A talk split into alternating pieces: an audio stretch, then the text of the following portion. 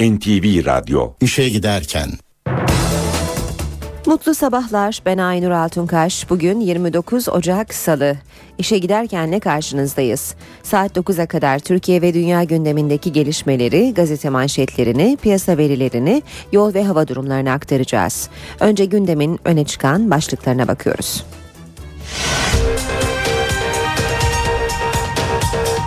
Hükümet sözcüsü Bülent Arınç, Öcalan'la yeni bir görüşme için henüz izin verilmediğini açıkladı.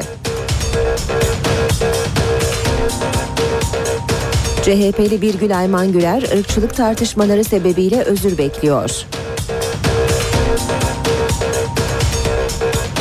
Eskişehir Büyükşehir Belediyesi'ne yolsuzluk iddiasıyla operasyon düzenlendi. Katar'da bulunan Başbakan Erdoğan bugün Katar emiri ve başbakanı ile görüşecek. Türk müziğinin usta ismi Ferdi Özbeyen hayatını kaybetti. Polis İstanbul'da 9 gün önce kaybolan Amerikalı kadın fotoğrafçıyı arıyor. İşe giderken gazetelerin gündemi.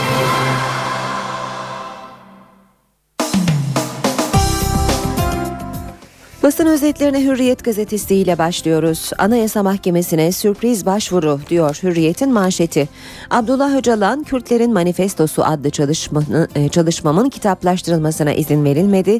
Bireysel başvuru hakkımı kullanmak istiyorum dedi.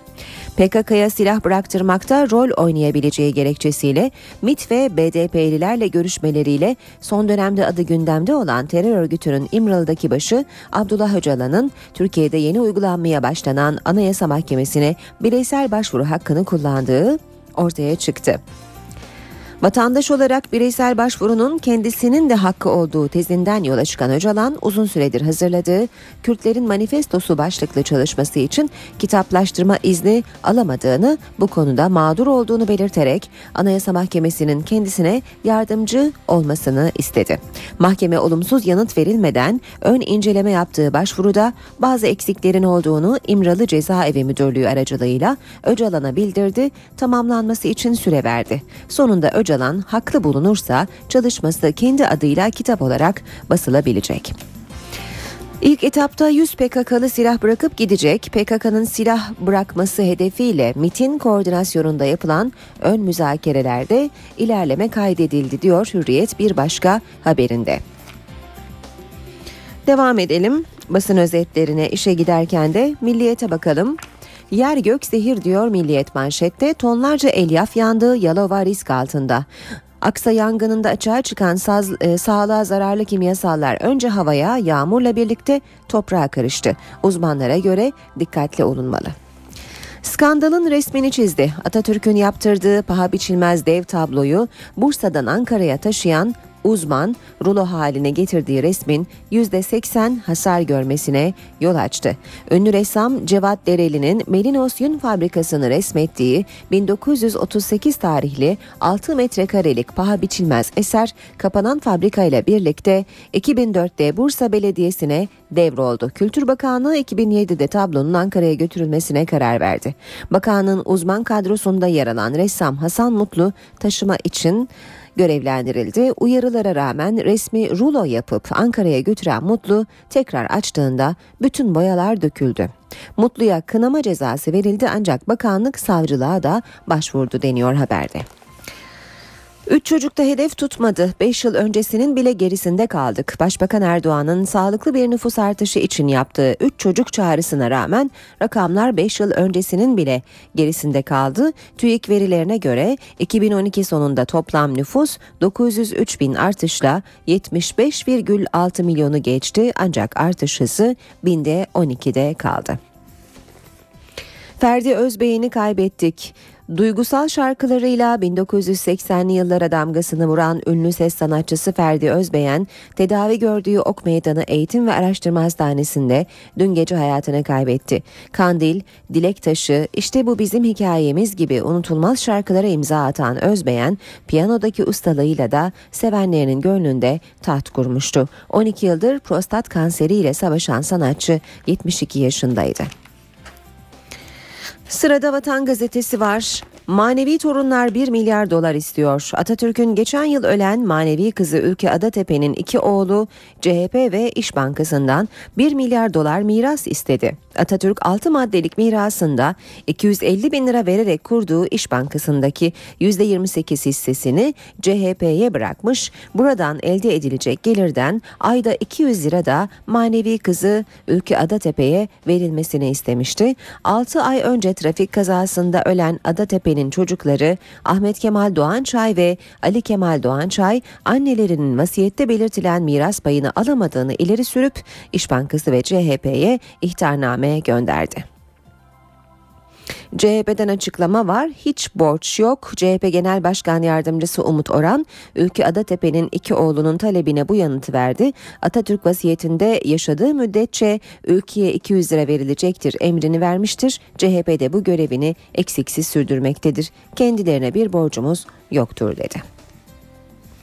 Devam ediyoruz basın özetlerine. İşe giderken de Yine vatandan bir başlık aktaralım. Türkiye olmasa iki haftaya biter. Suriye lideri Beşar Esad ülkesindeki krizin tüm faturasını Türkiye'ye çıkararak res çekti. Hiçbir şehri tam ele geçiremediler. Ordumuz cephede büyük başarı kazanıyor. Başkentte durum düzeldi. Tüm stratejik noktalar kontrolümüzde. Türkiye'den giriş dursa zafer kazanırız.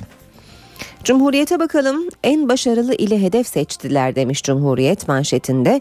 Seçime doğru Eskişehir Belediyesi'ne ek, e, eski bir dosyayla operasyon yapıldı. Eskişehir Büyükşehir Belediyesi'nin üst düzey yöneticilerinin de aralarında bulunduğu 23 kişi evlerine baskın yapılarak gözaltına alındı. Gözaltı gerekçesinin 2006 yılındaki bir ihaleden kaynaklandığı ifade edildi. Belediye Başkanı Profesör Büyükerşen kendileriyle uğraşıldığını belirterek itibarsızlaştırma operasyonu ne ne yaparlarsa yapsınlar bizi durduramazlar ancak arkadaşlarım için endişeliyim dedi. Devam ediyoruz basın özetlerine yine Cumhuriyet'ten bir başlık. Sağlıkta bir kötü haber daha. Yurttaşlar artık işe girişlerde istenen sağlık raporu için özel sağlık birimlerine 50 ile 100 lira arasında ücret ödemek zorunda. CHP'den e, CHP'de sıkıntılı günler, parti içi kavga, grup Merkez Yönetim Kurulu ve il başkanları toplantılarında 3 gün arka arkaya masaya yatırılacak. Güler, Türk ulusuyla Kürt milliyeti eşit olamaz sözlerinin arkasında durarak ülkemin babamın memleketi Yugoslavya gibi olmasını istemiyorum. Beni linç edenlerden özür bekliyorum dedi. Haberi radikalde de manşette görüyoruz. Kusura bakmayın kafa aynı başlığıyla Türk ulusuyla Kürt milliyetine eşit gördüremezsiniz sözleri tepki çeken CHP'li Birgül Ayman Güler bilimsel konuştuğunu iddia etti. Herkesten üstelik özür diledi demiş Radikal gazetesi. Devam ediyoruz basın özetlerine işe giderken de Zaman gazetesinde manşet ithal et proteini kapıda helal endişesi artıyor. 5 Mart'ta yürürlüğe girecek düzenlemeyle raflarda %50 dana %50 tavuktan üretilmiştir ibareli gıdalar bulunamayacak. Bu sebeple birçok firmanın sucuk ve benzeri gıdalarda %16 olarak belirlenen et proteini şartını yerine getirebilmek için yurt dışındaki firmalarla temasa geçtiği öğrenildi. Ancak bu defa da bir başka risk gündeme geldi. Çünkü Avrupa'daki firmaların çoğunda helal kesim yapılmıyor. Sabahta 5 yapraklı yonca soldu başlığını manşette görüyoruz. Gencecik e, bir anne dört yapraklı yoncam dediği dört küçük evladıyla birlikte doğalgazdan pisi pisine öldü diyor haberin alt başlığı. İstanbul Gazi Osman Paşa'daki doğalgaz faciasına ilişkin haberin hikayesini görüyoruz sabahta. Bir başka başlık donanmada yine deprem. Donanma komutanı Güner'den sonra iki amiralden daha istifa hamlesi. Tu amiraller Şevki Şekerefeli ve Gündüz Alp Demirus da emeklilik dilekçelerini verdi deniyor haberde. Haber Türkiye bakalım. Haber Türk'te manşet gardiyanların kapı önü isyanı. Eşiyle özel odada 3 saat özel görüşme izni veren yasa hükümlüleri sevindirdi ama gardiyanlar isyanda o kapı önünde nöbet tutmayız diyor. Habertürk manşetten duyurduğu haberinde. Amerika Dışişleri açıklaması var. İstanbul'da kaybolan e, fotoğrafçı Sarai Sierra için Amerikan Dışişlerinden bir açıklama yapılmış. Türk yetkililerle temastayız deniyor haberde. Yeni Şafak Şafak'la devam ediyoruz. Hortum Bank ortada kaldı demiş manşeti Yeni Şafak'ın. TMSF 28 Şubat sürecinde aktif rol oynayan komutanların yönetim kurulu üyesi ve danışman olarak görev yaptığı batık bankalarla ilgili davaları raporlaştırdı deniyor. Haberin ayrıntılarında İlk telaş başlığını görüyoruz. Bakanlar Kurulu kabine revizyonunun ardından ilk toplantısını yaptı. Başbakanlık Merkez Bina'daki toplantıya ilk gelen Kültür ve Turizm Bakanı Ömer Çelik, son gelense Sağlık Bakanı Mehmet Müezzinoğlu oldu. Milli Eğitim Bakanı Nabi Avcı'nın makam aracı yerine sivil plakalı otomobili tercih etmesi dikkat çekti. Güzel bir yol hikayesi diyor. Akşamda manşet. İbo rica etti, baba dediği başbakan yaptı. Down sendromlu İbrahim Ertepe'nin hayatı başbakanı evinde ağırladıktan sonra değişti. Erdoğan'la fotoğraflarını gören Fatsalı yakınları sen söylersen yolumuz yapılır dedi. İbrahim telefona sarıldı. Ricayı kırmayan başbakan talimat verdi. Köyün yıllar süren yol sorunu bitti. Anayasa Mahkemesi'nin Balbay kararı yolda diyor akşam. Anayasa Mahkemesi Ergenekon sanığı CHP İzmir Milletvekili Mustafa Balbay'ın uzun tutukluluk uygulamasına karşı yaptığı başvuruyu karara bağlama noktasında raporun incelenmesini tamamlamak üzere olduğu ve Şubat ayında açıklanabileceği belirtildi. Yüksek Mahkeme Balbay'ın başvurusunu haklı bulursa bu karar uzun tutukluluk mağduru diğer sanıklar için de emsal teşkil edecek deniyor haberde. NTV Radyo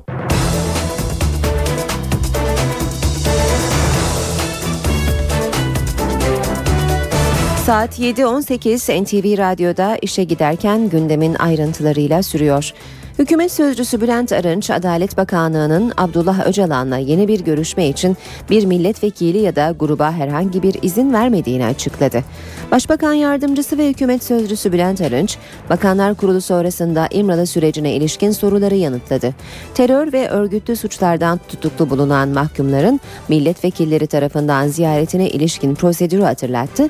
Bu ziyaretlerde Adalet Bakanlığı'nın yazılı izninin arandığını belirtti. Bülent Arınç, Abdullah Öcalan'la görüşmek için herhangi bir milletvekili ve grubuna izin verilmediğini söyledi. Arınç, bu izin verilmeyeceği anlamına gelmiyor. Bu konudaki kararı Adalet Bakanlığı verecek dedi. Son 30 yılda 8 bine yakın kamu görevlisi ve 5500 sivil terör olaylarında hayatını kaybetti. 22 bin PKK'lı da ölü olarak ele geçirildi. Rakamlar Meclis Terör Alt Komisyonu'nun çalışmasından. Raporda ayrıca İmralı görüşmelerine değiniliyor. 1984 yılından bu yana 5500 sivil terör olaylarında hayatını kaybetti. 8000'e yakın kamu görevlisi şehit oldu. 22 bin PKK'lı ölü olarak ele geçirildi. Türkiye'de son 30 yılda terör toplam 35.566 can aldı. Bu rakamlar Meclis İnsan Haklarını İnceleme Komisyonu bünyesinde kurulan Terör Alt Komisyonu'nun raporundan. Terör Alt Komisyonu raporunu tamamladı. Raporda İmralı sürecine de atıfta bulunuldu. Çözüm için aralanan kapı iyi değerlendirilmeli ifadesi kullanıldı. Terörü güvenlik eksenli bakış açısıyla çözmeye çalışmak, belli seviyede tutmaktan başka bir işe yaramadı denildi. Terörden etkilenen herkesin kucaklanması gerektiğinin belirtildiği raporda şiddeti yöntem olarak kullananlar düşman değil suçlu olarak görülmeli denildi. Çözüm için yeni anayasa işaret edildi. Raporun tespitler başlıklı bölümünde terörün toplumda travmaya sebep olduğu belirtildi. Teröre karşı karma tedbirler uygulanması gerektiğinin altı çizildi. Komisyonda dinlenen kişilerin beraber yaşama isteğine vurgu yapıldı. Siyaset kurumu bu isteği dikkate almalı ifadeleri kullanıldı. Değerli arkadaşlar. Raporun öneriler bölümünde ekonomik ve sosyal faktörlere dikkat çekildi. Bölgedeki yatırımın ve eğitim seviyesinin artırılması, spor ve gençlik merkezlerinin kurulması ve yerel yönetimlerin güçlendirilmesinin de çözüme katkı sağlayacağı belirtildi. Rapor terör ve terörizmle mücadelenin maliyetini de ortaya koydu. Kasım 2011 itibariyle terörle mücadele yasası kapsamında 20 binden fazla kişiye aylık bağlandı, 4 binden fazla kişiye 19 milyon liraya yakın tazminat ödendi. Terör ve terörizmle mücadeleden doğan zararların karşılanması hakkındaki kanun çerçevesinde ise 2 milyar 600 milyonluk ödenek kullanıldı. Terör nedeniyle Türkiye'de 14 kentte 386 bin kişi göç etmek zorunda kaldı. Raporda medyaya yönelik eleştiriler de yer aldı. Medyanın şiddet içeren bütün olayları trafik terörü, tribün terörü gibi başlıklarla duyurduğu, Bunun da terör kavramını yaygınlaştırıp gerçek terörün sınırını belirsiz hale getirdiği tespiti yapıldı. Hakkari Çukurca'da PKK adına para ve bilgi topladıkları iddiasıyla biri ilçe nüfus müdürlüğünde görevli iki kişi gözaltına alındı. Operasyon valilikten yapılan yazılı açıklamayla duyuruldu. Zanlıların silahlı faaliyet yürüten terör örgütü mensuplarıyla irtibatlı oldukları ve örgüt adına vatandaşlardan zorla para topladıkları belirtildi. Şahısların ev ve iş yerlerinde yapılan aramalarda ise çok sayıda örgütsel doküman ele geçirildi. Biri ilçe nüfus müdürlüğünde görevli iki kişi adliyeye sevk edildi. Türk Silahlı Kuvvetleri Doğu ve Güneydoğu'da modüler geçici üst bölgeleri kuruyor. Bu üst bölgelerinden ikisi faaliyete başladı. Toplamda 43 üst bölgesi planlanıyor. Yüksek güvenlikli karakol yapımı projesine de devam ediliyor. Lego parçaları gibi sökülüp takılacak, kolayca taşınacak. Türk Silahlı Kuvvetleri artık riski yüksek bölgelerde modüler karakollar kuracak. Modüler geçici üst bölgeleri adı verilen yeni bir konsept Aselsan tarafından geliştirildi. Kolay nakliye ve kurulumun yanı sıra bu karakollarda en üst seviye teknoloji kullanılacak. Havan tipi silahlara karşı dayanıklı kompozit beton duvarlar, zırh kafesi gibi modüler engelleme sistemleriyle de destekleniyor. Karakollardaki çevre kontrolü birbirine entegre kameralar, radarlar, sensörler ve kablosuz algılayıcılarla sağlanacak. Modüler karakollardan ikisi Güneydoğu'da faaliyete geçti. İlk aşamada ikisi yedek olmak üzere 16, ikinci aşamada da 27 olmak üzere toplam 43 adet modüler geçici üs bölgesi kurulacak. Bu arada terörle mücadele bölgelerindeki yeni tip karakol binaları inşaatı da sürüyor. Karakol tesisi, bölük ve birlik merkezi, alay, tabur merkezi, Tugay ve Eşite birlik tesisleri olarak kullanılmak üzere toplam 402 tesisin yapımı sürüyor. 149 tesisin inşaatı tamamlandı. 133'ünün inşaatı devam ediyor. 120 tesis için de ihale ön hazırlıkları yapıldı.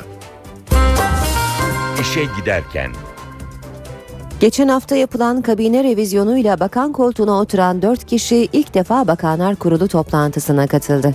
Başbakanlık önünde bekleyen haberciler için Bakanlar Kurulu girişi renkli olaylara sahne oldu. Önce kutlama çiçekleri geldi, sonra da o çiçeklerin gönderildiği isimler. Perşembe günü kabineye katılan 4 yeni bakan ilk kez Bakanlar Kurulu toplantısına katıldı. Başbakanlığa gelen ilk isim Kültür ve Turizm Bakanı Ömer Çelik'ti. Çelik'ten çok telsizini düşüren korumasının heyecanı dikkat çekti. Ömer Çelik alışılmışın dışında bir hamleyle Başbakanlık merdivenleri yerine gazetecilerin bulunduğu bölüme yöneldi. Ben sadece teşekkür etmek için bu ilk gün size hepinize hayırlı günler dilemek için geldim. Çok teşekkür ediyorum. Görüşmek üzere. Sağ olun. Mini kabine revizyonunun yeni bakanları bir bir başbakanlığa geliyor. İkinci olarak Bakanlar Kurulu toplantısına katılmaya gelen bakan İçişleri Bakanı Muammer Güler. Milli Eğitim Bakanı Nabi Avcı sivil plakalı makam aracıyla dikkat çekti. Yeni Bakan Avcı bir zamanlar Başbakanlık Başdanışmanı olarak defalarca çıktığı merdiveni bu sefer bakan olarak adımladı. İlk Bakanlar Kurulu'na son gelen yeni bakansa Sağlık Bakanı Mehmet Müezzinoğlu oldu. Müezzinoğlu foto muhabirlerinin isteğini kırmadı, objektiflere iki kez el salladı. CHP'de bir grup milletvekilinin İşçi Partisi'ne geçeceği iddia edildi. Ancak bu iddiayı doğrulayan olmadı. Parti içinde ırkçılık polemiği de devam ediyor. Tartışmanın odağındaki isim Birgül Ayman Güler özür beklediğini söyledi. CHP'li Birgül Ayman Güler'in Türk ulusuyla Kürt milliyetini eşit gördüremezsiniz sözleriyle başlayan ırkçılık tartışması sürüyor. CHP Genel Başkanı Kemal Kılıçdaroğlu partiden büyük kopuşlara neden olacağı bile iddia edilen süreci NTV'ye değerlendirdi. Stratejimizi grup toplantısında açıklayacağım dedi. Partide medyanın abarttığı kadar bir sorun yok. AKP'yi eleştiremeyenler CHP'yi eleştirerek siyaset görevini yerine getiriyor. Milletvekili arkadaşlarımızın bu gerçeği görüp buna göre davranmaları gerekir. Tartışmalar sürerken Birgül Ayman Güler bir kez daha kameraların karşısına geçti. Sözlerine açıklık getirdi. insani olarak Kürtler de Türkler de kimi söylerseniz söyleyin elbette hiç tartışmasız eşittirler. Biz burada insani kültürel eşitlikten söz etmiyoruz. Yalnızca Türk ulusu ve Türk vatandaşlığı sistemini savunduğum için şahsımı ırkçılık, faşistlik ırkçılığa çanak tutmakla damgalamaya girişmiş her kişi ve kurumdan özür bekliyorum. Ancak CHP içinden tepkiler sürüyor. Hiç kimse bu parti çatısı altında ayrımcılık, kutuplaştırıcı değil ve bu cumhuriyetin yurttaşlarını aşağılayan bir üslup kullanamaz. Bu anlama gelecek sözler söyleyemez. Tartışmalar nedeniyle bazı CHP'li milletvekilleri İşçi Partisi'ne katılacak iddiaları ise yalanlandı. İşçi Partisi'nden böyle bir e, orada sözü edilen Sayın Genel Sekreterden ne bir ses ne de bir nefes aldık. Hiçbirisi doğru değil. Ee, bu sadece bugüne mahsus değil. Uzun süredir özellikle Cumhuriyet Halk Partisi ile ilgili itibarsızlaştırma, e, bir operasyon yapma, tartıştırma bir alışkanlık haline geldi. CHP lideri Kılıçdaroğlu da NTV'ye yaptığı değerlendirmede bende bu yönde bir algı yok dedi. Tartışmaya bir yorumda CHP eski lideri Deniz Baykal'dan geldi. İnşallah artık kavga bitsin, çekişme bitsin, düşmanlık bitsin, husumet bitsin, karalama bitsin, dışlama bitsin. Kendini farklı etnik kimliğe mensup sayan bütün insanlarımız aynı anlayış içinde, aynı kardeşlik, aynı sevgi içinde birbirlerine değer vererek kucaklasınlar, birleşsinler, mutlu olsunlar. CHP'de ırkçılık tartışmaları sürerken Adıyaman Milletvekili Salih Fırat'ın ardından partiden bir istifa haberi daha geldi. Mardin Ömerli İlçe Belediye Başkanı Yılmaz Altındağ Cumhuriyet Halk Partisi'nden istifa etti. İstifasını basın toplantısıyla duyuran Altındağ, son zamanlarda ulusalcı ve yenilikçi olarak anılan farklı iki kesimin partiye hakim olmaya çalıştığını söyledi. CHP'lilerin son dönemde yaptığı bazı açıklamalara dikkat çeken Altındağ, Kürtleri ikinci sınıf, Türkleri de Rumlara etnik temizlik yapan halklar olarak gösteren bu çağ dışı zihniyetlerle aynı çatı altında siyaset yapma şansımız kalmamıştır dedi. Eskişehir Büyükşehir Belediyesi'ne yolsuzluk iddiasıyla operasyon düzenlendi. Aralarında belediye yöneticilerinin de olduğu 24 kişi gözaltına alındı. CHP'li Başkan Yılmaz Büyükerşen'e göre operasyon belediyeyi itibarsızlaştırmak için yapıldı. AK Parti'nin görüşü ise farklı. Eskişehir Belediyesi sabah saatlerinde yolsuzluk operasyonuyla sarsıldı. Kentsel gelişim ihalesinde yolsuzluk yapıldığı iddiasıyla başlayan soruşturmada çeşitli adreslere operasyon düzenlendi. Aralarında belediyenin üst düzey yöneticilerinin de olduğu 24 kişi gözaltına alındı. Operasyona ilk tepki Eskişehir Büyükşehir Belediye Başkanı Yılmaz Büyükerşen'den geldi. benimle uğraşıyorlar. Fakat netice alınamadığı için arkadaşlarımızla uğraşmaya devam ediyorlar. Ee, benim için endişelenecek bir şey yok. Eskişehir için de endişelenecek bir şey yok. Bazı partililerle birlikte Eskişehir'e giden CHP Genel Başkan Yardımcısı Gökhan Günaydın da operasyonu eleştirdi. Türkiye'de Cumhuriyet Halk Partili belediyeleri itibarsızlaştırmaya, yıpratmaya yönelik operasyonların son halkasını Eskişehir'de hep beraber yaşıyoruz. Eskişehir'in ve Büyükşehir Belediye'mizin arkasındayız. Yerel yönetimlerden sorumlu AK Parti Genel Başkan Yardımcısı Menderes Türel ise belediye başkanları bu tür operasyonlara teşekkür etmeli dedi. gerçekten gerçek dışı iddialar söz konusuysa muhataplarına aklanma fırsatı veriyor. O yüzden bu konuyla ilgili vicdanı müsterih olan arkadaşlarımız bence yapılan operasyonlara, incelemelere, soruşturmalara, aklanmalarına fırsat tanınacağı için teşekkür etmeliler. Zanlıların sorgusu sürüyor. Birazdan İstanbul trafiğine ve spor haberlerine bakacağız. Şimdi kısa bir aramız var. Ara vermeden önce gündemin başlıklarını hatırlatalım. Hükümet sözcüsü Bülent Arınç, Öcalan'la yeni bir görüşme için henüz izin verilmediğini açıkladı. CHP'li Birgül Ayman Güler, ırkçılık tartışmaları sebebiyle özür bekliyor.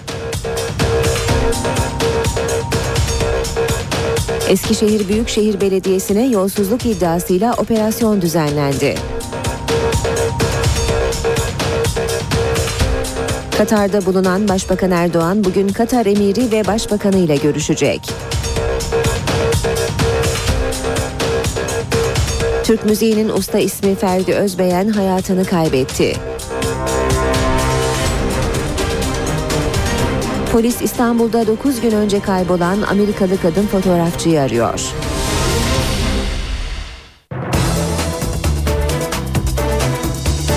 Saat 7.36 NTV Radyo'da işe giderken devam ediyor. İstanbul trafiğine göz atalım ardından spor haberlerine bakacağız. İstanbul'da özellikle köprülerde yoğun bir trafik var şu dakikalarda.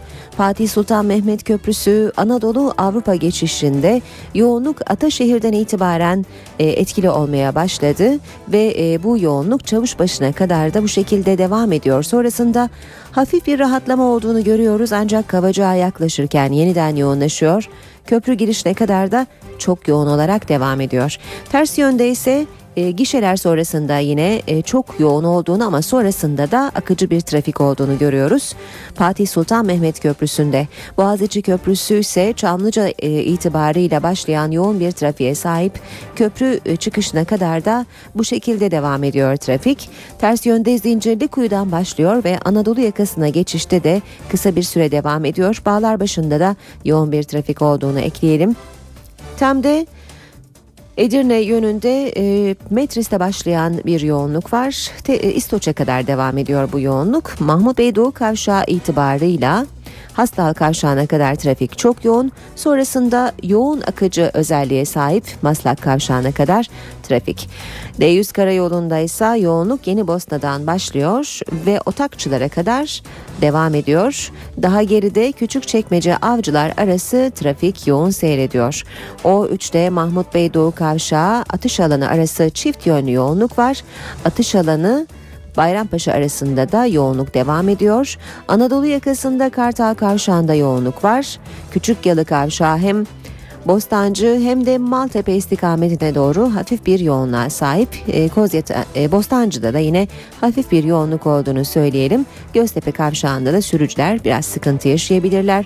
Anadolu yakası Tem'de e, Ataşehir'de başlayan ve Çamlıca gişelere kadar devam eden e, seyir hızı yavaş bir trafik olduğunu görüyoruz.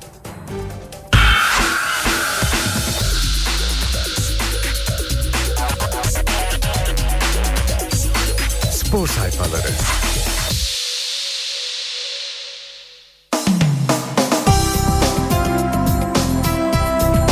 Spor haberleri aktarmaya Hürriyet gazetesiyle başlayalım. Mourinho Galatasaray'a git dedi. Drogba sarı kırmızılı kulübü nasıl tercih ettiğini açıkladı.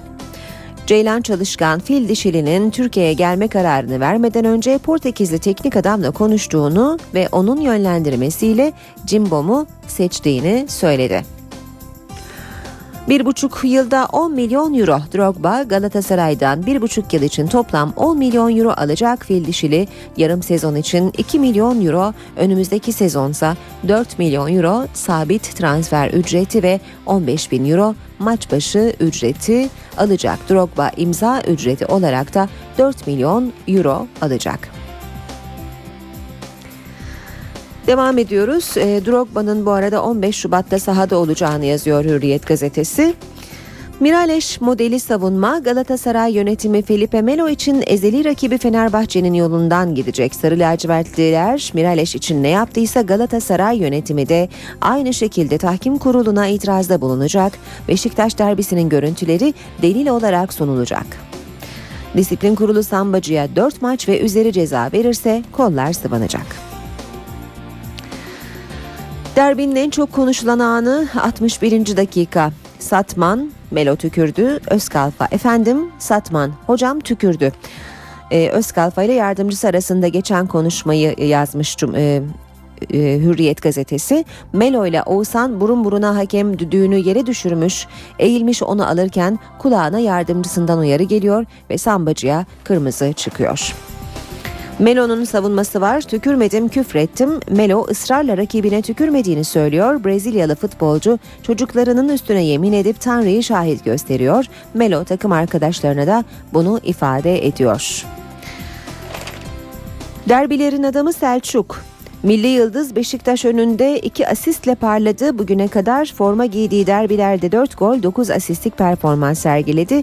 Derbilerde yıldızlaşan Galatasaray'ın vazgeçilmezi Selçuk İnan, Beşiktaş karşılaşması sonrası da teknik heyetten özel tebrik aldı ve geleneğini bozmadı.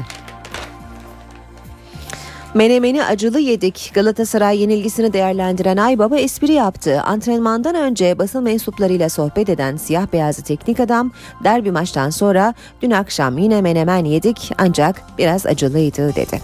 Aybaba'ya eleştiri yağmuru Galatasaray yenilgisinin ardından acil olarak toplanan yöneticiler teknik patronun tercihlerini tartıştı. Beşiktaş gibi oynamadık diyen Orman son noktayı koydu. Galatasaray kumar oynuyor. Sarı kırmızılı ekibin efsane ismi Yusuf Altıntaş'ın açıklamalarını görüyoruz. Umarım Snyder ve Drogba takıma sadece fayda getirir. Altıntaş Drogba yaşı ilerlese de bir gol makinesi. Ama Galatasaray kumar oynuyor. İnşallah başarıyı yakalar. Yine de iki yabancıya verilen para altyapıya yatırılsa yeni Arda Turanlar yetişir dedi. Devam ediyoruz hürriyetten aktarmaya. Kaddafi benzetmesi Rütük'ten döndü. Habertürk televizyonu bir programda Aziz Yıldırım'ın Kaddafi ve Esad gibi diktatörlere benzetilmesi nedeniyle uyarı cezası almış. Bir diğer başlık Melo'yu otobüse alacak mısın? Fenerbahçe Miraleş hakkındaki demecinin ardından Adnan Öztürk'e böyle seslendi. İkinci tükürük olayından sonra Sarı lacivertliler şu soruları sordu. Adnan Öztürk'e ilgili oyuncuyu takım otobüsüne bindirip kulübün tesislerine sokmaya devam, ede- devam edecek misiniz? Ali Dürüst ve Arkan'a ikinci başkan ve başkan yardımcısı olarak teyit edilmemiş görüntüleri televizyonunuzda yayınlayacak mısınız? Ve Zekeriya Alp'e Merkez Hakem Kurulu Başkanı'na hemen ilk fırsatta ilgili hakem ve oyuncu ile ilgili açıklama ya da röportaj yapacak mısınız? Berhanda cepte forvet yolda Fenerbahçe Montpellier'in yıldızının transferini büyük oranda bitirdi. İleri ucu alınacak isim büyük ihtimalle Eder olacak. Faslı futbolcuyu açıklamak için artık saat sayan Sarı Lacivertler Santrfor'a da Aykut Kocaman'ın listesindeki Eder, Calcedo ve Emenike üçlüsünden birini alacak. Milliyet gazetesinin spor sayfalarına bakalım şimdi de. Altın Çocuğun Dönüşü. Alex yıllar sonra Coritiba taraftarının önüne çıktı. Bu fantastik günde e, günden notları e, görüyoruz Milliyet'ten. 5719 gün sonra Couto Pereira stadına ayak basacak olan Fenerbahçe'nin eski kaptanı yeniden görebilmek, ondan imza alabilmek için sabahın erken saatlerinden itibaren insanlar sıraya girmişti. Brezilya'daki atmosfer Türkiye'yi hiç aratmıyordu. Alex de aynı fikri taşıyordu. Ha Şükrü Saracoğlu, ha burası. Özünde aynı. Tükürük değil öpücük. Profesyonel Futbol Disiplin Kurulu'na sevk edilen Galatasaraylı Melo derbide Oğuzhan'a tükürmediğini belirterek sadece öpücük hareketi yaptığını söyledi. Sarı Kırmızılar oyundan çıkarken terimi iten sambacının biletini kesti. Brezilyalı futbolcuyla sezon sonu yollar ayrılıyor deniyor haberde. SS zor esti. Ligde 5 haftadır kazanamayan Eskişehir 9 kişi kalan orduyu zor da olsa tek golle geçerek galibiyet hasretini bitirdi. Sarı siyahlı e, kırmızı siyahlı ekibe 3 puanı 86. dakikada penaltıyı gole çeviren Necati getirdi. Kartal uçuşta Beşiktaş ligin ikinci yarısına Türk Telekom galibiyetiyle girdi. Maça yumuşak savunmayla başlayan ve ilk devre potasında 43 sayı gören siyah beyazlılar temposunu arttırınca hemen kontrolü ele aldı rahat kazandı. Skor 59-85. Bitiriyoruz böylece spor haberlerini saat 7.44 NTV Radyo'da işe giderken Türkiye ve dünya gündeminin öne çıkan haberleriyle devam ediyor.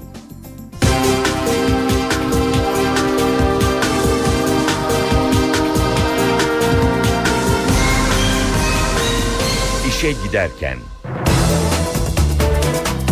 Türk müziği bir değerini daha kaybetti. Kendine has yorumuyla 80'li yıllara damgasını vuran müzisyen Ferdi Özbeyen dün akşam tedavi gördüğü hastanede yaşama veda etti. 72 yaşında yaşamını yitiren Özbeyen bir süredir kanser tedavisi görüyordu.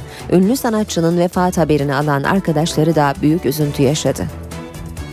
Dizlerimde derman Kandilimde yağ bitti Bulamadım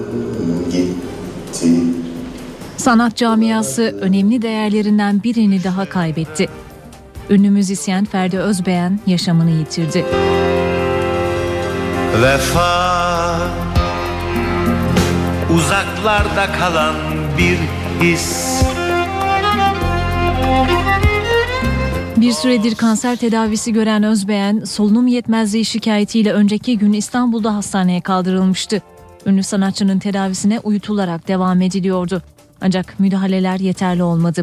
72 yaşındaki sanatçı dün akşam hayatını kaybetti. Arkadaşlarının ölüm haberini alan sanatçılar üzüntü içindeydi. Benim 80'li yıllarda hem rakibimdi hem de e, çok iyi bir arkadaşımdı. Hem can dostumdu. Çünkü biz çok kaliteli bir rekabet yapıyorduk onunla. Biz 45 senelik dostuz. Onun yeri dolmaz. Ben tabii ki yüreğim sızlıyor. Bugün gündüz uğradım. İnşallah iyi olur. Duamızı ettik ama kısmet, kader bu. Ben gerçekten e, çok üzgünüm. Ben e, mazimi kaybettim diyebilirim. O benim mazimdi çünkü gerçekten Gülmeyi unutan yaşlı gözlere Mutluluktan haber verdiler 41 yılda 28 albüm çıkaran Özbeğen'in Kandil, Büklüm Büklüm, İşte Bu Bizim Hikayemiz ve Sevda isimli şarkıları klasikleşmişti. Gözümde canlanır koskoca mazi 35 yıl önce askerlik yaparken kaçakçılarla girdiği çatışmada yaralanan Mustafa Tiryaki yıllar önce açtığı tazminat davasında 30 bin lira kazandığını öğrendi. Ancak adresi bilinmediği için bu para kendisine teslim edilemedi ve tazminat hakkı zaman aşımına uğradı. Mustafa Tiryaki şimdi hem tazminatını hem de gazilik unvanını almak istiyor. Mustafa Tiryaki, Trabzon'un yol üstü köyü muhtarı. 35 yıl önce vatani görevini yaparken Suriye sınırında kaçakçılarla çatışmaya girdi, yaralandı. Mustafa Tiryaki aylarca tedavi görmesine rağmen bir türlü iyileşemedi. Bir yıl kafamda ağrılarla dolaştım ve iltihap etti. Yüzüm şişmeye başladı. Film çekildi, kurşunlar kaldığı söylendi bana. Trabzon Numune Hastanesi'nde kendi param ve o zaman da imkansızlıklar vatandaş yardımıyla Trabzon Numune Hastanesi'ne ameliyat olarak kurşunları çıkarttırdım. Bir yıl boyunca kafasında kurşunla yaşadığını öğrenen Tiryaki, Jandarma Genel Komutanlığı'na tazminat davası açtı. Ancak mahkeme sonucunu takip etmedi. Yıllar sonra davasının sonucunu araştıran Mustafa Tiryaki, mahkemenin 10 yıl önce sonuçlandığını ve 30 bin lira tazminat kazandığını öğrendi. Tekrar jandarma komutanlığına başvuran Mustafa Tiryaki aldığı cevapla şoke oldu.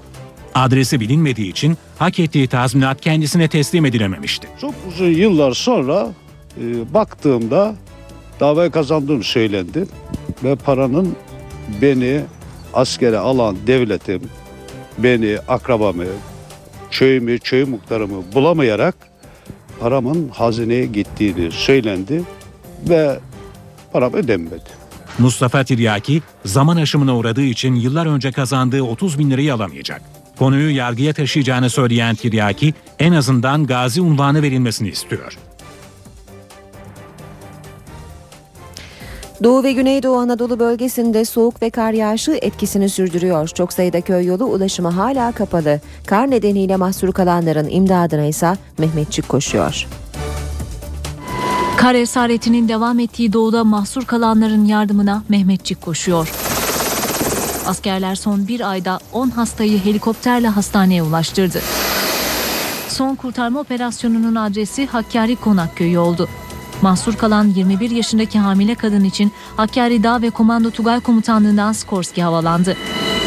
Belirlenen noktaya kadar getirilen kadın helikopterle hastaneye kaldırıldı. Benzer bir operasyonsa Dağlıca köyünde tatile gidemeyen öğretmenler için yapıldı. Yarı yıl tatiline girmelerine rağmen yolu kapalı köyden çıkamayan öğretmen çift askeri helikopterle ilçeye sevk edildi. Yüksekova'ya götürülen öğretmenler karayoluyla İzmir'e hareket etti. Bölgede birçok kentte kar yağışı etkisini sürdürüyor. Van, Bitlis, Muş ve Hakkari'de 412 köy yolu ulaşıma kapalı. Karayolları ekipleri kapalı yolları açmak için aralıksız çalışıyor. Doğu Anadolu bölgesinde ise soğuk hava hayatı durma noktasına getirdi. Gece en düşük hava sıcaklığı sıfırın altında 15 derece ile yine Kars'ta ölçüldü. Nevşehir'in Acıgöl ilçesinde sobadan sızan karbon monoksit gazından zehirlenen hamile bir kadın ve bir yaşındaki bebeği hayatını kaybetti. İkiz bebeklerine hamile Şadiye Bulduk'la bir yaşındaki oğlu gece sobanın yandığı odada uyudu. O gece evde kalmayan baba ise e, dün sabah eşinden haber alamayınca eve yakınlarını gönderdi. Pencereyi kırarak içeriye girenler anne ve oğlunu ölü buldu. Turizm cenneti Fethiye'de deniz karardı. Yağmur sonrası rengi değişen ve kötü koku yayan denizden numune alındı. Fethiyeliler gö- e, kirliliğin nedenini civardaki zeytinyağı fabrikalarına bağlıyor. Burası kuş cenneti. Yani burada bir katliam yaşanıyor. Berbat bir şey. Başka bir şey demiyorum. Denizin rengi değişti. Üzeri çöple kaplandı. Fethiye'de yağmur sonrası bu manzara oluştu. Simsiyahtı böyle. Böyle katran gibi siyahtı. Ben yürüyüş yapıyorum çünkü yedi buçukta kalktım. Gördüm yani. Evimde yakın koku çok geldi bana. Normalde olan bir şey değil ki hiç hayatımda görmedim. Ben burada 32 yıldır buradayım ben. Denize dökülen Mut Deresi de kötü kokmaya başladı. Çevre halkına göre kirliliğin nedeni civarda bulunan zeytinyağı fabrikaları. Balığa geldim. Baktım denizde bir tuhaflık var. Bir karartı var. Bir koku da var. Bu daha önce de yaşadığımız aslında bir şey. Yani e, yabancı değilim ben bu olaya. Bu, tahminimce e, zeytinyağı fabrikasının atık suyu. Yağmur suyunun fabrika atıklarını denize taşıdığını söyleyen Fethiyeliler durumu yetkililere iletti. Tarım İlçe Müdürlüğü kirlilik ve kokunun nedenini bulmak için inceleme başlattı. Denizden ve nehirden numune alındı. Polis ekipleri 9 gün önce İstanbul'da kaybolan Amerikalı kadın fotoğrafçıyı bulabilmek için seferber oldu. New Yorklu Saray Sierra'nın ailesi de çalışmaları takip için Türkiye'ye geldi. Amerikalı turist Saray Sierra İstanbul'da ortadan kayboldu. Tatil için 7 Ocak'ta gelmişti. Amacı bolca fotoğraf çekmek ve İstanbul'u keşfetmekti. Emniyet güçlerinin elde ettiği verilere göre Saray Sierra İstanbul'a giriş yaptıktan sonra Hollanda ve Almanya'ya gitti. 19 Ocak'ta İstanbul'a geri döndü. Son kez eşiyle telefonda konuştu. İki çocuk annesi genç kadından ondan sonra bir daha haber alınamadı. Güvenlik güçlerinin her yerde aradığı Saray Sierra'nın ailesi ve arkadaşları da İstanbul'a geldi. We spoke to her last Monday on January 21st. Eşimle son olarak pazar günü konuştuk. Eve döneceği için heyecanlıydı. Buraya onu bulmaya geldim. Umarım bulurum ve birlikte geri döneriz. Aile doğrudan Amerika Birleşik Devletleri Konsolosluğu'na gitti. Arkadaşları ise emniyete giderek ifade verdi. Emniyette ifade verenler arasında sarayının internet üzerinden tanışarak evinin bir odasını kiraladığı üniversite öğrencisi de vardı. Oda olarak kiralamıştı. Ee, şu an 20'sinden beri haber alamıyoruz. Yani pasaportu, elbiseleri ve şarj aleti dışında bir şey yoktu odada. Ama şu an eşyaları hala orada. En son bu civarda gördüm. Yani burada, gördüm. Ben en son ve daha sonra bir daha görmedim. Mobese kameralarından genç kadının görüntülerine ulaşıldı. Şimdi cep telefonundan yerinin tespit edilmesi için çalışmalar sürüyor. Emniyet güçlerine göre kayıp kadına dair en net bilgiler ailesinin ifadesi alındıktan sonra ortaya çıkacak. Amerika Birleşik Devletleri Dışişleri Bakanlığı Sözcüsü Victoria Nuland da İstanbul'da kaybolan Amerikan vatandaşı Sierra ile ilgili olarak Türk yetkililerle temas halindeyiz dedi. NTV Radyo Günaydın herkese yeniden NTV Radyo'da işe giderken birazdan hava durumuyla devam edecek. Önce gündemin başlıklarını hatırlatalım.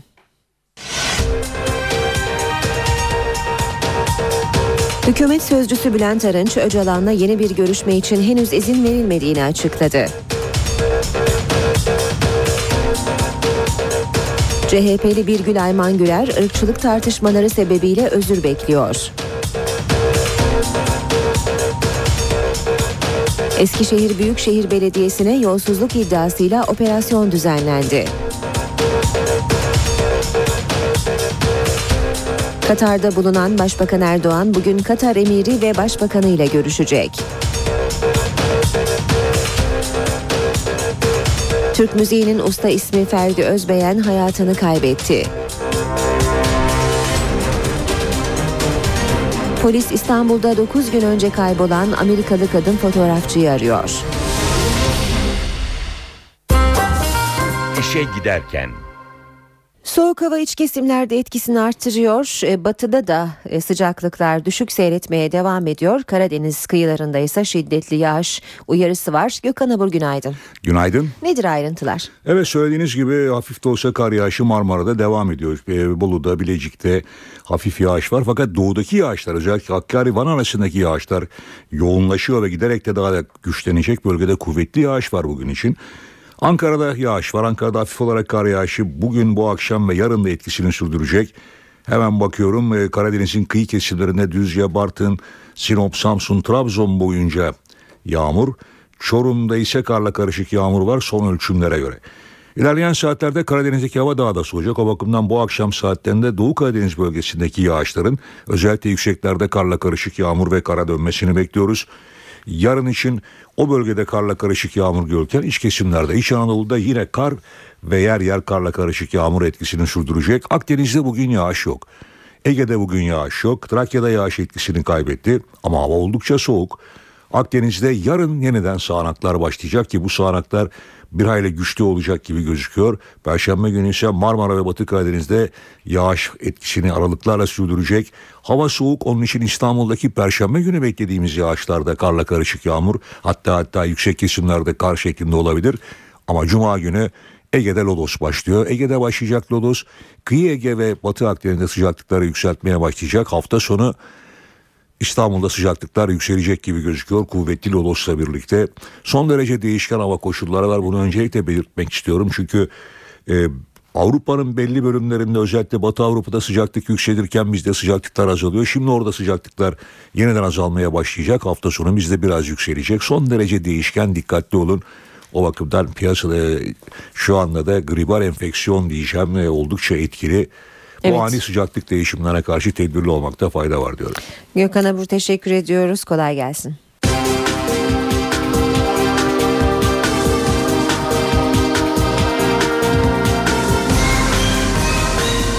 İşe giderken. İşe giderken gazetelerin gündemi.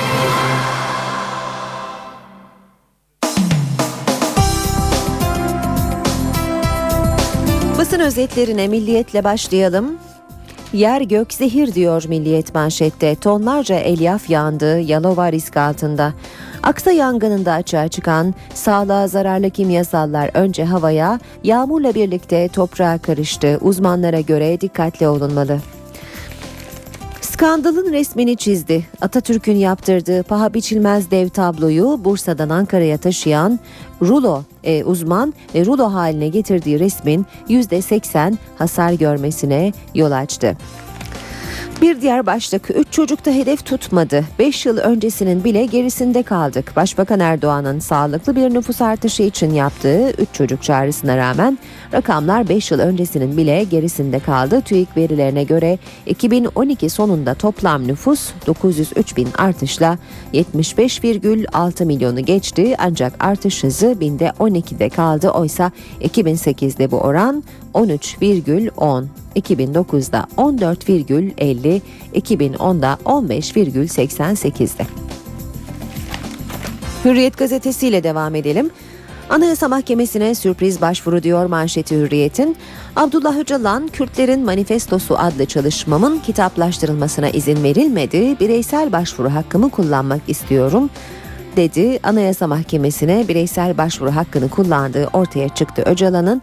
Mahkeme olumsuz yanıt verilmeden ön inceleme yaptığı başvuruda bazı eksiklerin olduğunu İmralı Cezaevi Müdürlüğü aracılığıyla Öcalan'a bildirdi. Tamamlanması için süre verdi. Sonunda Öcalan haklı bulunursa çalışması kendi adıyla kitap olarak basılabilecek.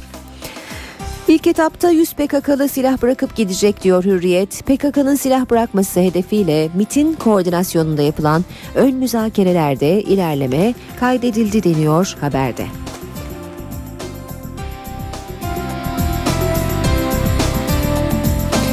Sabah gazetesiyle devam ediyoruz. İstanbul Gazi Osman Paşa'da önceki gün yaşanan doğalgaz faciasıyla ilgili haberi manşette görüyoruz. Beş yapraklı yonca soldu başlığıyla gencecik bir anne dört yapraklı yoncam dediği dört küçük evladıyla birlikte doğalgazdan pisi pisine öldü deniyor ve bu ailenin hikayesine yer veriliyor haberde. Yine sabah gazetesinden aktaralım. Donanmada yine deprem. Donanma komutanı Güner'den sonra iki amiralden daha istifa hamlesi. Tuamiraller Şevki Şeker Efeli ve Gündüz Alp Demirus'ta emeklilik dilekçelerini verdi deniyor haberde. Devam ediyoruz Ee, basın özetlerine işe giderken de Akşam gazetesi var sırada. İbo rica etti, baba dediği başbakan yaptı. Güzel bir yol hikayesi. Down sendromlu İbrahim Ertepe'nin hayatı başbakanı evinde ağırladıktan sonra değişti. Erdoğan'la fotoğraflarını gören Fatsalı yakınları sen söylersen yolumuz yapılır dedi. İbrahim telefona sarıldı. Ricayı kırmayan başbakan talimat verdi. Köyün yıllar süren yol sorunu bitti. İstanbul Zeytinburnu'nda yaşayan 43 yaşındaki İbrahim Ertepe 2 yıl önce bir toplantıda başbakanla tanışmıştı. Yine akşamdan okuyalım. Anayasa Mahkemesi'nin Balbay kararı yolda. Anayasa Mahkemesi Ergenekon sanığı CHP İzmir Milletvekili Mustafa Balbay'ın uzun tutukluluk uygulamasına karşı yaptığı başvuruyu karara bağlama noktasında. Raportörün incelemesini tamamlamak üzere olduğu ve Şubat ayında açıklanabileceği belirtildi. Yüksek Mahkeme Balbay'ın başvurusunu haklı bulursa bu karar uzun tutukluluk mağduru diğer sanıklar için de emsal teşkil edecek. Devam ediyoruz. Basın özetlerinde sırayı e, Cumhuriyet gazetesi alıyor. Cumhuriyet'te en başarılı ili hedef e, seçtiler diyor manşet. Seçime doğru Eskişehir Belediyesi'ne eski bir dosyayla operasyon yapıldı. Eskişehir Büyükşehir Belediyesi'nin üst düzey yöneticilerinin de aralarında bulunduğu 23 kişi evlerine baskın yapılarak gözaltına alındı. Gözaltı gerekçesinin 2006 yılındaki bir ihaleden kaynaklandığı ifade edildi. Belediye Başkanı Profesör Büyükerşen kendileriyle uğraşıldığını belirterek itibarsızlaştırma operasyonu ne yaparlarsa yapsınlar bizi durduramazlar ancak arkadaşlarım için endişeliyim dedi. Sağlıkta bir kötü haber daha. Yurttaşlar artık işe girişlerde istenen sağlık raporu için özel sağlık birimlerine 50 ile 100 lira arasında ücret ödemek zorunda. CHP'de sıkıntılı günler, parti içi kavga, grup, merkez yönetim kurulu ve il başkanları toplantılarında 3 gün arka arkaya masaya yatırılacak. Güler, Türk ulusuyla Kürt milliyeti eşit olamaz sözlerinin arkasında durarak ülkemin babamın memleketi Yugoslavya gibi olmasını istemiyorum, beni linç edenlerden özür bekliyorum dedi. Radikal gazetesi ise haberi kusura bakmayın aynı kafa, kafa aynı başlığıyla manşette vermiş. Türk ulusuyla Kürt milliyetini eşit gördüremezseniz sözleri tepki çeken CHP'li bir Gülayman Güler bilimsel konuştuğunu iddia etti. Üstelik herkesten özür istedi. Güler'e göre beyaz siyahtan üstün sözü ırkçılık, Türk ulusu Yunan ulusundan üstün sözü şovenizm ama kendi söyledikleri bilimsel demiş radikal. Zaman gazetesi var sırada ithal et proteini kapıda helal endişesi artıyor. 5 Mart'ta yürürlüğe girecek düzenlemeyle raflarda %50 dana %50 tavuktan üretilmiştir ibareli gıdalar bulunamayacak. Bu sebeple birçok firmanın sucuk ve benzeri gıdalarda %16 olarak belirlenen et proteini şartını yerine getirebilmek için yurt dışındaki firmalarla temasa geçtiği öğrenildi. Ancak bu defada bir başka risk gündeme geldi çünkü Avrupa'daki firmaların çoğunda helal kesim yapılmıyor. Sırada Vatan Gazetesi var. Manevi torunlar 1 milyar dolar istiyor. Atatürk'ün geçen yıl ölen manevi kızı Ülke Adatepe'nin iki oğlu CHP ve İş Bankası'ndan 1 milyar dolar miras istedi. Atatürk 6 maddelik mirasında 250 bin lira vererek kurduğu İş Bankası'ndaki %28 hissesini CHP'ye bırakmış. Buradan elde edilecek gelirden ayda 200 lira da manevi kızı Ülke Adatepe'ye verilmesini istemişti. 6 ay önce trafik kazasında ölen Adatepe'nin çocukları Ahmet Kemal Doğançay ve Ali Kemal Doğançay annelerinin vasiyette belirtilen miras payını alamadığını ileri sürüp İş Bankası ve CHP'ye ihtarname gönderdi. CHP'den ise borç yok açıklaması var. Genel Başkan Yardımcısı Umut Oran Atatürk vasiyetinde yaşadığı müddetçe ülkeye 200 lira verilecektir emrini vermiştir. CHP de bu görevini eksiksiz sürdürmektedir. Kendilerine bir borcumuz yoktur açıklamasını yaptı. Kandil söndü. Türk müziğinin güçlü sesi piyanist şarkıcı Ferdi Özbeyen dün akşam hayata veda etti. İki gündür makineye bağlı olarak uyutulan Özbeyen, tansiyonu ve nabzı normal olmasına rağmen bir daha uyanamadı. 12 yıldır prostat kanseriyle mücadele eden 72 yaşındaki Özbeyen, 1980'lere damgasını vurmuştu. Şarkıcının özellikle Eskimeyen Dost, Kandil ve Bir Gülü Sevdim gibi şarkıları yıllarca dillerden düşmemişti. NTV Radyo'da işe giderken de basın özetlerinin böylece sonuna geldik. Birazdan kısa bir aramız olacak. Ama ara vermeden önce İstanbul trafiğine bir kez daha bakalım. Saat 8.12 itibarıyla trafik e, biraz daha yoğunlaşmış durumda son baktığımıza göre. Şu anda D100'de Boğaziçi Köprüsü Avrupa Anadolu geçişinde bir araç arızası var ve bölgede yoğunluk bu sebeple artıyor. Ayrıca yine de yüzde Sefaköy yan yol Çoban Çeşme yönünde bir araç arızası var. Bu arıza da bölgedeki trafiği yoğunlaştırıyor. Fatih Sultan Mehmet Köprüsü Anadolu Avrupa geçiş yoğunluğu Elmalı'da etkisini hissettiriyor. Köprü girişine kadar da çok yoğun bir trafik var. Ters yönde gişeler sonrası trafiğin yoğun olduğunu söyleyebiliriz. Boğaziçi Köprüsü Anadolu Avrupa geçişi yoğunluğu Çamlıca'da başlıyor. Köprü girişine kadar da etkili olarak devam ediyor.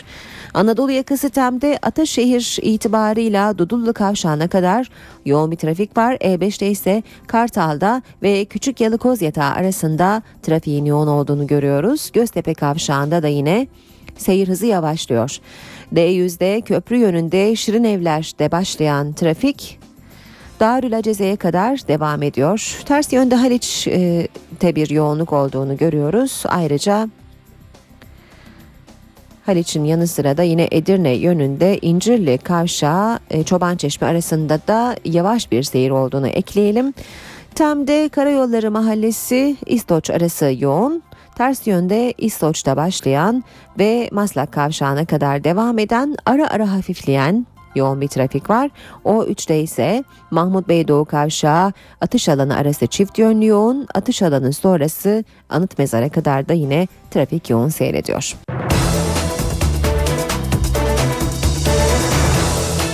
Saat 8.19 NTV Radyo'da gündemin ayrıntılarıyla birlikteyiz. Donanma Komutanı Oramiral Nusret Güner'in istifası sonrası atama sıkıntısı yaşandığı haberleri Başbakan Yardımcısı Bülent Arınç'a soruldu. Bakanlar Kurulu sonrası açıklama yapan Arınç, komutan fevkalade başarılıydı ama komutanlarımız bu eksikliklerin nasıl giderileceğini çok iyi biliyorlar dedi. Genelkurmay Başkanlığı Donanma Komutanı Oramiral Nusret Güner'in emeklilik talebinin kabul edildiğini açıkladı. Yazılı açıklamada silah arkadaşımıza uzun yıllar başarı ve özveriyle yaptığı hizmetlerden dolayı teşekkür ediyoruz denildi. Nusret Güner'in istifası Bakanlar Kurulu sonrası Başbakan Yardımcısı Bülent Arınç'a da soruldu. Bu ismi geçen komutanın fevkalade görevinde başarılı, Türk Silahlı Kuvvetleri içerisinde de önümüzdeki atama sürecinde kuvvetle muhtemelen Deniz Kuvvetleri Komutanı olması da mümkündür. Hükümet sözcüsü Arınç, Oramiral Güner'in kızına yönelik komplo nedeniyle istifa etmiş olabileceğini söyledi. Geçtiğimiz günlerde İzmir Ağır Ceza Mahkemesi'nde açılan bir davanın iddianamesi kabul edildi. Ve bu davanın iddianamesinde Sayın Komutanımızın e, evladına karşı çok çirkin, çok edepsiz, çok büyük bir suç işlendiği yazılı. Böylesine alçakça bir komplo karşısında kalmış olmasını haysiyetine yedirememiş olmalı. Arınç, emeklilik kararının orduda bir zafiyete yol açmayacağını da söyledi. Bir genelkurmay başkanının kuvvet komutanlarıyla birlikte sadece biri hariç bugünün genelkurmay başkanı emekliliğini istemiş olması Türk Silahlı Kuvvetleri'ne bir kaos meydana getirmedi. Ancak şu haliyle bile Türk Silahlı Kuvvetleri komuta kademesinde herhangi bir açığa düşecek bir zafiyetin içerisinde değildir. Sayın Genelkurmay Başkanımız da kuvvet komutanları da bu eksikliklerin ne şekilde giderileceğini çok iyi biliyorlar. Bakanlar Kurulu sonrasında Bülent Arınç'a askerlerin tutuklu yargılanması konusunda Başbakan Erdoğan'ın dile getirdiği şikayet hatırlatıldı. Arınç bu konuda yasal bir düzenleme olmadığını belirtti. Bugün yargıda görev alan ağır cezalarda, diğer mahkemelerde eğer özgürlükçü bir anlayışla olaya bakabilseler bugünkü sıkıntılarımızın çoğundan kurtulurduk diye düşünüyorum. CHP'de bir grup milletvekilinin İşçi Partisi'ne geçeceği iddia edildi. Ancak bu iddiayı doğrulayan olmadı. Parti içinde ırkçılık polemiği de devam ediyor. Tartışmanın odağındaki isim Birgül Ayman Güler özür beklediğini söyledi. CHP'li Birgül Ayman Güler'in Türk ulusuyla Kürt milliyetini eşit gördüremezsiniz sözleriyle başlayan ırkçılık tartışması sürüyor. CHP Genel Başkanı Kemal Kılıçdaroğlu partiden büyük kopuşlara neden olacağı bile iddia edilen süreci NTV'ye değerlendirdi. Stratejimizi grup toplantısında açıklayacağım dedi. Partide medyanın abarttığı kadar bir sorun yok. AKP'yi eleştiremeyenler CHP'yi eleştirerek siyaset görevini yerine getiriyor. Milletvekili arkadaşlarımızın bu gerçeği görüp buna göre davranmaları gerekir. Tartışmalar sürerken Birgül Ayman Güler bir kez daha kameraların karşısına geçti. Sözlerine açıklık getirdi. İnsani olarak Kürtler de Türkler de kimi söylerseniz söyleyin elbette hiç tartışmasız eşittirler. Biz burada insani kültürel eşitlikten söz etmiyoruz. Yalnızca Türk ulusu ve Türk vatandaşlığı sistemini savunduğum için şahsımı ırkçılık, faşistlik ırkçılığa çanak tutmakla damgalamaya girişmiş her kişi ve kurumdan özür bekliyorum. Ancak CHP içinden tepkiler sürüyor. Hiç kimse bu parti çatısı altında ayrımcılık, kutuplaştırıcı değil ve bu cumhuriyetin yurttaşlarını aşağılayan bir üslup kullanamaz. Bu anlama gelecek sözler söyleyemez. Tartışmalar nedeniyle bazı CHP'li milletvekilleri İşçi Partisi'ne katılacak iddiaları ise yalanlandı. İşçi Partisi'nden böyle bir e, orada sözü edilen Sayın Genel Sekreterden ne bir ses ne de bir nefes aldık. Hiçbirisi doğru değil. Ee, bu sadece bugüne mahsus değil. Uzun süredir özellikle Cumhuriyet Halk Partisi ile ilgili itibarsızlaştırma, e, bir operasyon yapma, tartıştırma bir alışkanlık haline geldi. CHP lideri Kılıçdaroğlu da NTV'ye yaptığı değerlendirmede bende bu yönde bir algı yok dedi. Tartışmaya bir yorumda CHP eski lideri Deniz Baykal'dan geldi. İnşallah artık kavga bitsin, çekişme bitsin, düşmanlık bitsin, husumet bitsin, karalama bitsin, dışlama bitsin. Kendini farklı etnik kimliğe mensup sayan bütün insanlarımız aynı anlayış içinde, aynı kardeşlik, aynı sevgi içinde birbirlerine değer vererek kucaklasınlar, birleşsinler, mutlu olsunlar. Eskişehir Büyükşehir Belediyesi'ne yolsuzluk iddiasıyla operasyon düzenlendi. Aralarında belediye yöneticilerinin de olduğu 24 kişi gözaltına alındı. CHP'li Başkan Yılmaz Büyükerşen'e göre operasyon belediyeyi itibarsızlaştırmak için yapıldı. AK Parti'nin görüşü ise farklı.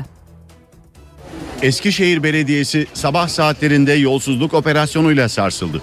Kentsel gelişim ihalesinde yolsuzluk yapıldığı iddiasıyla başlayan soruşturmada çeşitli adreslere operasyon düzenlendi.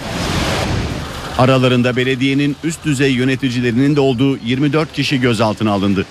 Operasyona ilk tepki Eskişehir Büyükşehir Belediye Başkanı Yılmaz Büyükerşen'den geldi. benimle uğraşıyorlar. Fakat netice alınamadığı için arkadaşlarımızla uğraşmaya devam ediyorlar. Ee, benim için endişelenecek bir şey yok. Eskişehir için de endişelenecek bir şey yok. Bazı partililerle birlikte Eskişehir'e giden CHP Genel Başkan Yardımcısı Gökhan Günaydın da operasyonu eleştirdi. Türkiye'de Cumhuriyet Halk Partili belediyeleri itibarsızlaştırmaya, yıpratmaya yönelik operasyonların son halkasını Eskişehir'de hep beraber yaşıyoruz. Eskişehir'in ve Büyükşehir Belediye'mizin arkasındayız. Yerel yönetimlerden sorumlu AK Parti Genel Başkan Yardımcısı Menderes Türel ise belediye başkanları bu tür operasyonlara teşekkür etmeli dedi. gerçekten gerçek dışı iddialar söz konusuysa muhataplarına aklanma fırsatı veriyor. O yüzden bu konuyla ilgili vicdanı müsterih olan arkadaşlarımız bence yapılan operasyonlara, incelemelere, soruşturmalara, aklanmalarına fırsat tanınacağı için teşekkür etmeliler. Zanlıların sorgusu sürüyor.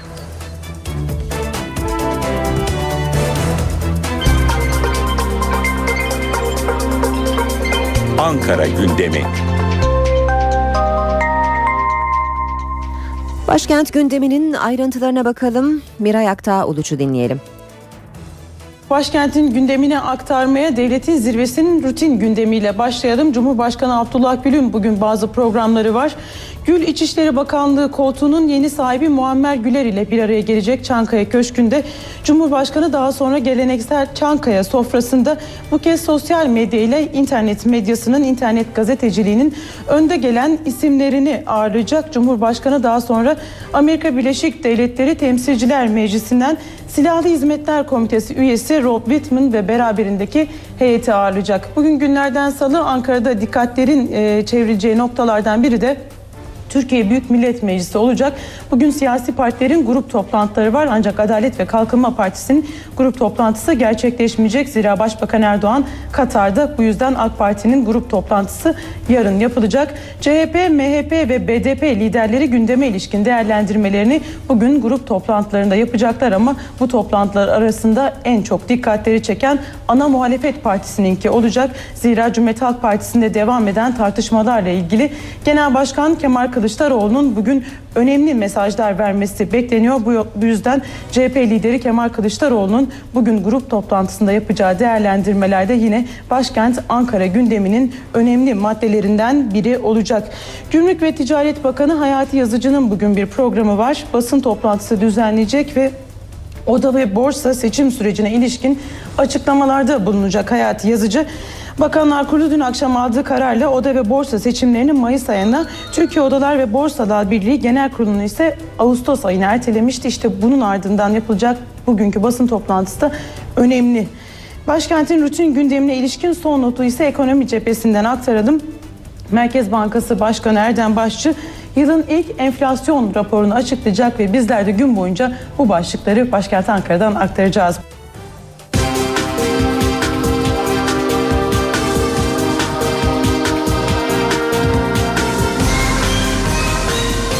İşe giderken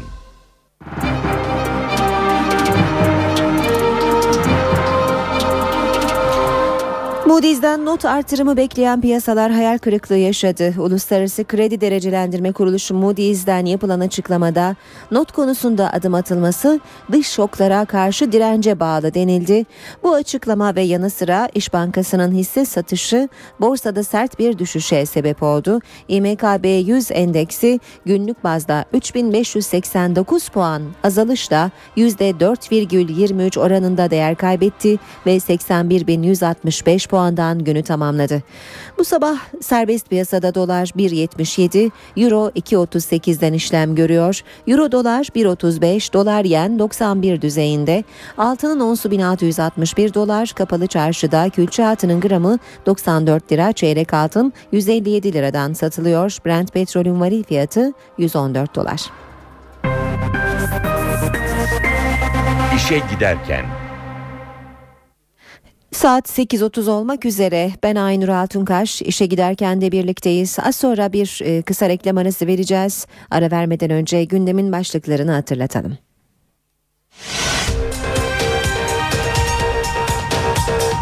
Hükümet sözcüsü Bülent Arınç, Öcalan'la yeni bir görüşme için henüz izin verilmediğini açıkladı. CHP'li Birgül Ayman Güler, ırkçılık tartışmaları sebebiyle özür bekliyor. Eskişehir Büyükşehir Belediyesi'ne yolsuzluk iddiasıyla operasyon düzenlendi.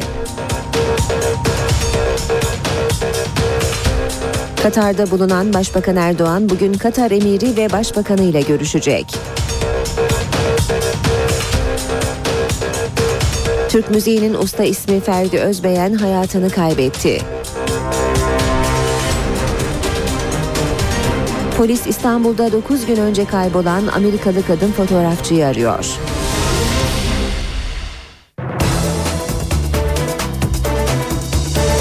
Saat 8.35 NTV Radyo'da işe giderken dünya gündeminden gelişmelerle devam ediyor. Eski İsrail Başbakanı Ariel Sharon'un 7 yıldır komada olmasına rağmen beyin hücrelerinin aktif olduğu tespit edildi. Eski başbakanı bir seri test uygulayan bilim adamları Sharon'un dış uyarıcılara tepki verdiğini belirledi. Ariel Sharon, İsrail'in eski başbakanı.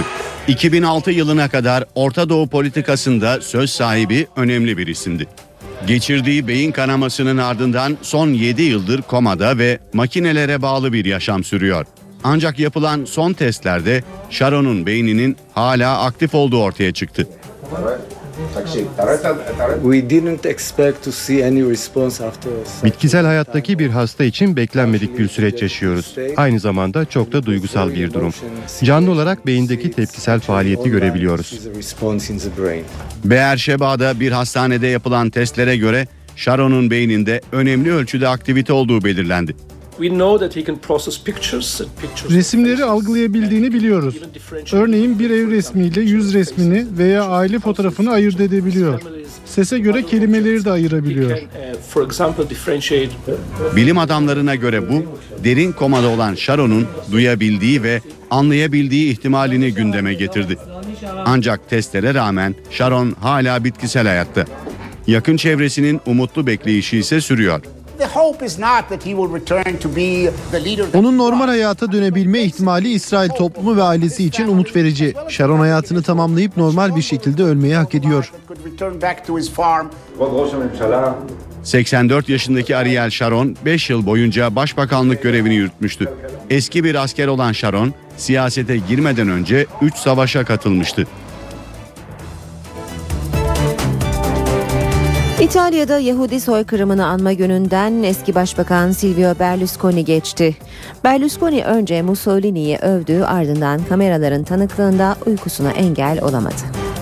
È difficile adesso mettersi nei panni di chi decise Kendinizi o dönemde kararları verenlerin yerine koymanız zor. Açıkçası o zamanın hükümeti Hitler Almanyası ile ittifak kurdu. Bu ittifakın bir parçası olarak Yahudileri imha etmek de vardı.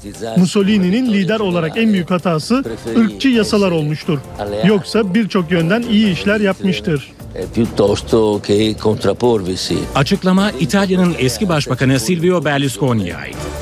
Berlusconi'nin 2. Dünya Savaşı sırasında ölen Yahudileri anma günü için düzenlenen törende Nazi Almanyası'nın müttefiği olan İtalyan diktatör Mussolini'yi öven konuşması tepkiyle karşılandı. İtalyan Yahudilerin Polonya'daki toplama kamplarına gönderildiği Milano tren istasyonunda yapılan törene Berlusconi'nin açıklamaları damgasını vurdu.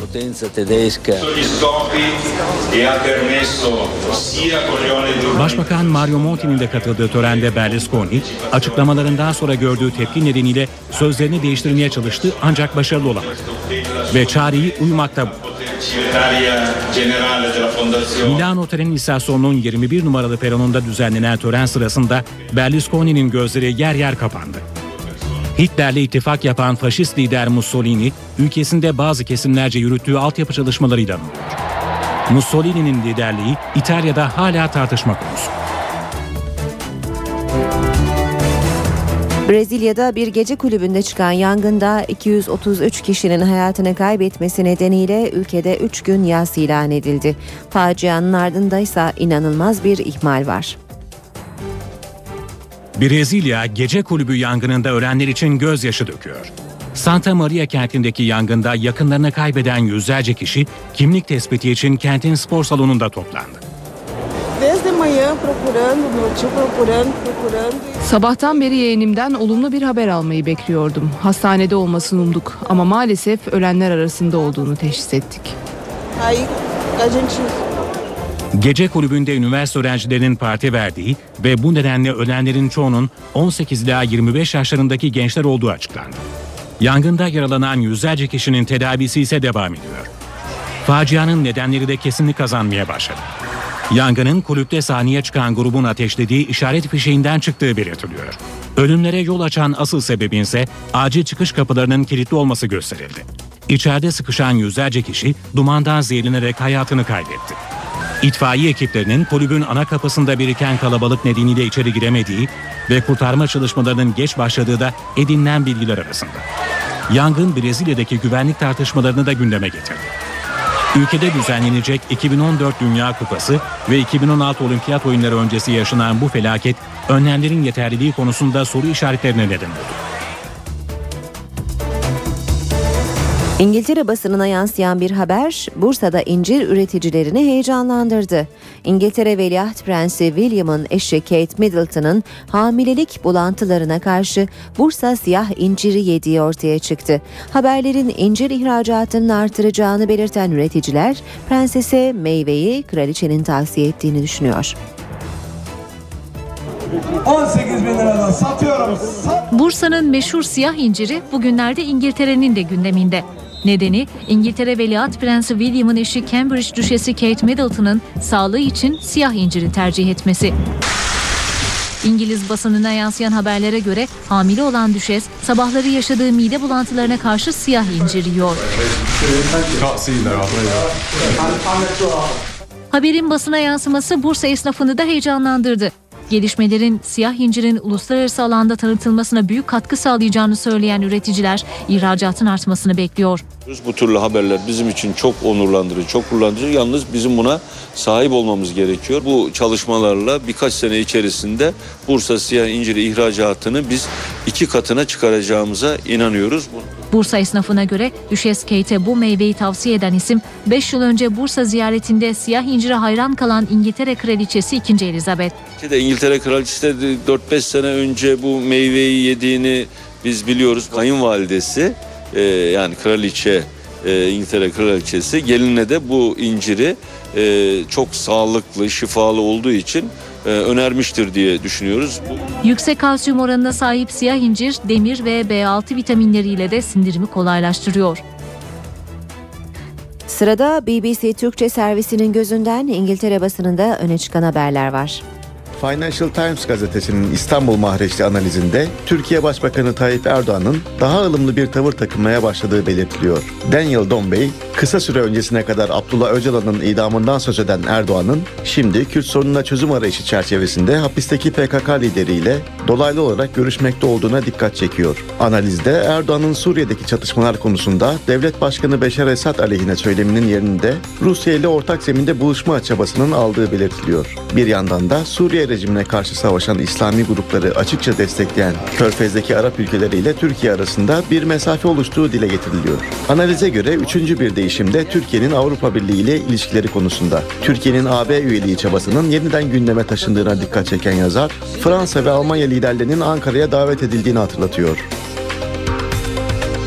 Times gazetesi Fransa ordusunun Mali kenti Timbuktu'yu İslamcı militanların elinden geri almasına iki sayfa ayırmış. Haber ve analizlerde böylece Mali'nin kuzeyindeki bütün kentlerin yeniden Fransa destekli Mali hükümetinin eline geçtiği, İngiltere'nin de Mali ordusunu eğitmek için 250 askeri görevlendireceği anlatılıyor.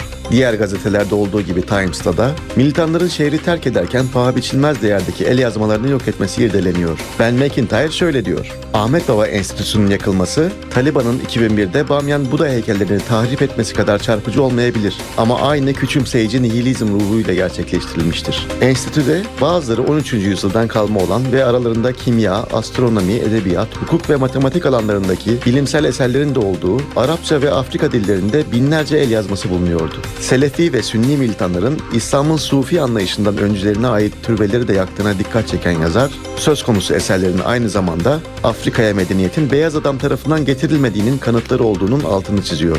Times'taki başka bir analizde ise Fransa'nın yüz ölçümünden daha büyük olan Sahra bölgesindeki kentlerin geri alınmasının ardından gerilla savaşı devresinin başlayacağı öngörülüyor. Kuma batmak başlıklı analizde El-Kaide bağlantılı militanlarla aralarına mesafe koymaya çalışan ayrılıkçı Tuareg militanlarıyla masaya oturulabileceği belirtiliyor. Independent gazetesinin başyazısında da benzer bir yaklaşım hakim. Mali'den çıkarılacak dersin Amerika Birleşik Devletleri'nin yardımı olmadan Fransa ve İngiltere'nin Batı Afrika'daki İslamcı militanlarla baş edemeyeceği öne sürülüyor. Guardian gazetesinde Afrika'nın diğer kısmındaki gelişmelere ışık tutuluyor. Ian Black'in imzasını taşıyan analizin başlığı şöyle. Milisler Mısır'ın demokrasiye geçişini tehdit ediyor. Şiddet olayları ve protestolar nedeniyle Müslüman Kardeşler üyesi Cumhurbaşkanı Muhammed Mursi'nin üç kentte olağanüstü hal ilan ettiğini hatırlatan Black, parlamento seçimlerine aylar kala İslamcı ve muhafazakar kesim ile liberal, laiklik yanlısı ve solcu gruplar arasındaki gerilimin tırmandığı uyarısı yapıyor. Bu kesimlerin kendi milis güçlerini devreye sokabileceği belirtilen analizde çok sayıda Mısırlı ülkenin geleceğini belirlemenin oy vererek değil sokak kavgalarıyla olacağına inanırsa bu endişe uyandırır deniliyor. Diğer yandan yeniden askeri yönetime dönme tehlikesi belirirse tarafların uzlaşmaya zorlanabileceği ifade ediliyor. İşe giderkenin sonuna geldik. Gündemi kısaca hatırlayalım. Bugün öne çıkan gelişmeler arasında hükümet sözcüsü Bülent Arınç'ın açıklamaları var. Arınç, Abdullah Öcalan'la yeni bir görüşme için herhangi bir milletvekili ya da gruba Adalet Bakanlığı tarafından izin verilmediğini açıkladı. Ayrıca CHP'li bir Gülayman Güler'in ırkçılık tartışmaları sebebiyle özür beklemesine Arınç tepki gösterdi ve esas Güler'in özür dilemesi gerektiğini söyledi. Siyasi cephede bu gelişmeler öne çıkıyor ama bir de müzik dünya, e, dünyasından bir kayıp haberi var. Yoğun bakımda olan müzisyen Ferdi Özbeyen 72 yaşında dün gece hayata veda etti. İşe giderkenden bugünlükte bu kadar. Saat başında gelişmelerle yeniden buluşmak üzere. Hoşçakalın. NTV Radyo